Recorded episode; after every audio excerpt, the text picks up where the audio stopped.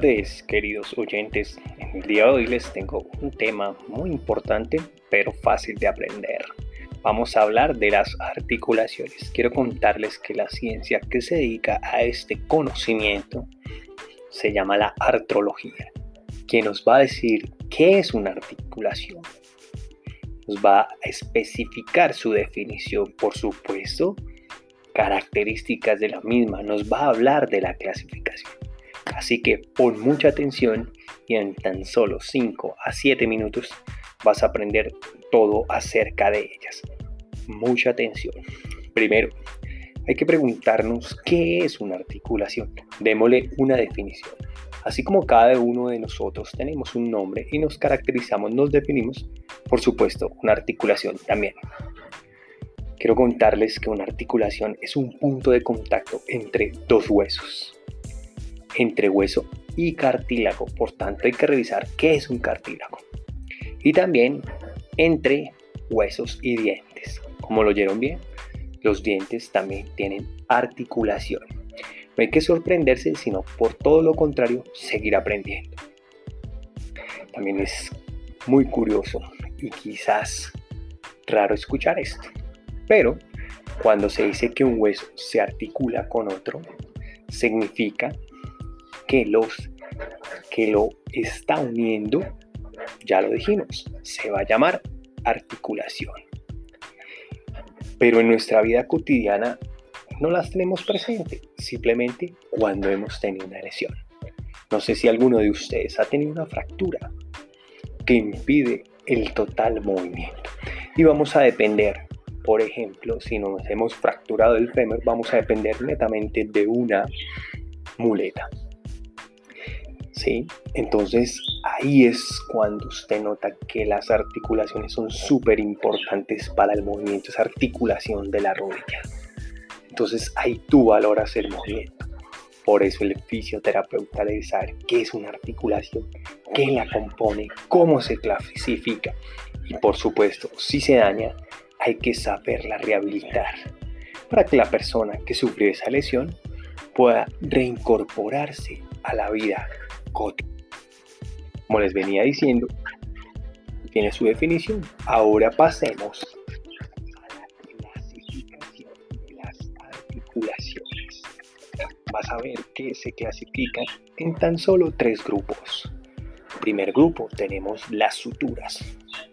Un nombre raro, pero ya los ubicaré dónde está esa articulación. Por supuesto, vamos a tener las cartilaginosas y más grande y más amplio, vamos a tener las sinoviales. Entonces, recuerda, tenemos tres grupos. Dentro de él va a estar las articulaciones sinoviales, cartilaginosas, las suturas, como ya bien lo dije, pero también son conocidas como fibrosas. Bueno, entonces empecemos definiendo una vez más definición definamos qué es una articulación fibrosa. ¿Y qué es? Aquí te va la definición. Una articulación fibrosa no tiene cavidad sinovial. Los huesos de la articulación se mantienen unidos por un tipo de tejido llamado tejido conectivo fibroso. Entonces, como ya lo escuchaste, lo une un tejido conectivo fibroso van a estar unidos de una manera muy sencilla y muy compacta, donde no hay casi movimiento. Bien, ahora miremos dónde las vamos a encontrar. Súper fácil, estas articulaciones las vas a encontrar en la cabeza. Su gran mayoría están en la cabeza. Recuerda los huesos que tenemos como el temporal parietal, y el occipital. Cuando ellos se unen, se forman las famosas suturas. Y un ejemplo de ella sería la sutura coronal. Ahí te la dejo, ahí están las suturas. Como les indicaba, son unas articulaciones que se compactan y tienen poco movimiento. Cuando yo hablo de poco movimiento, quiere decir que es una articulación inmóvil, conocida en la medicina como sinartrosis. Pero si alcanza a tener algo de movimiento va a ser una anfiartrosis. Recuerda, sin artrosis no tiene movimiento. Anfiartrosis, poco movimiento. Y por supuesto, esas articulaciones que están en el cráneo se definen como articulaciones sin artrosis o anfiartrosis. Ahí tenemos un primer ejemplo. Otro ejemplo que tendríamos acá muy claro es la membrana interósea, que es una membrana que va a unir cúbito y radio. Por supuesto, tibia y peroné. También se considera una articulación.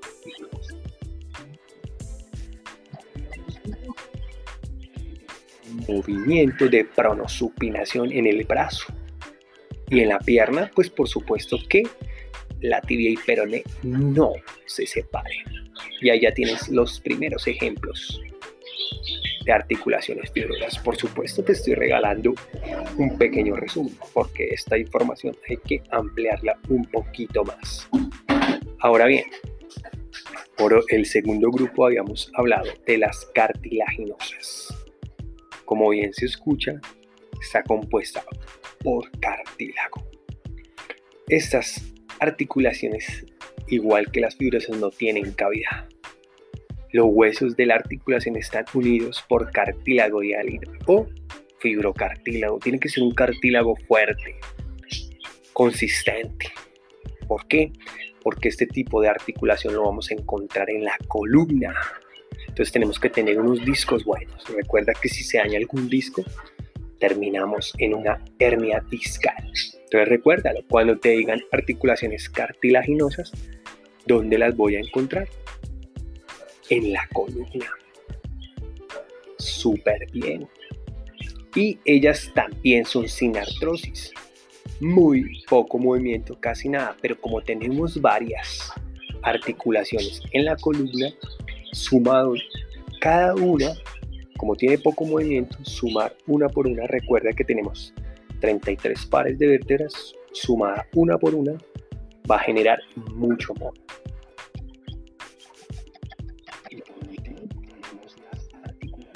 Sinoviales.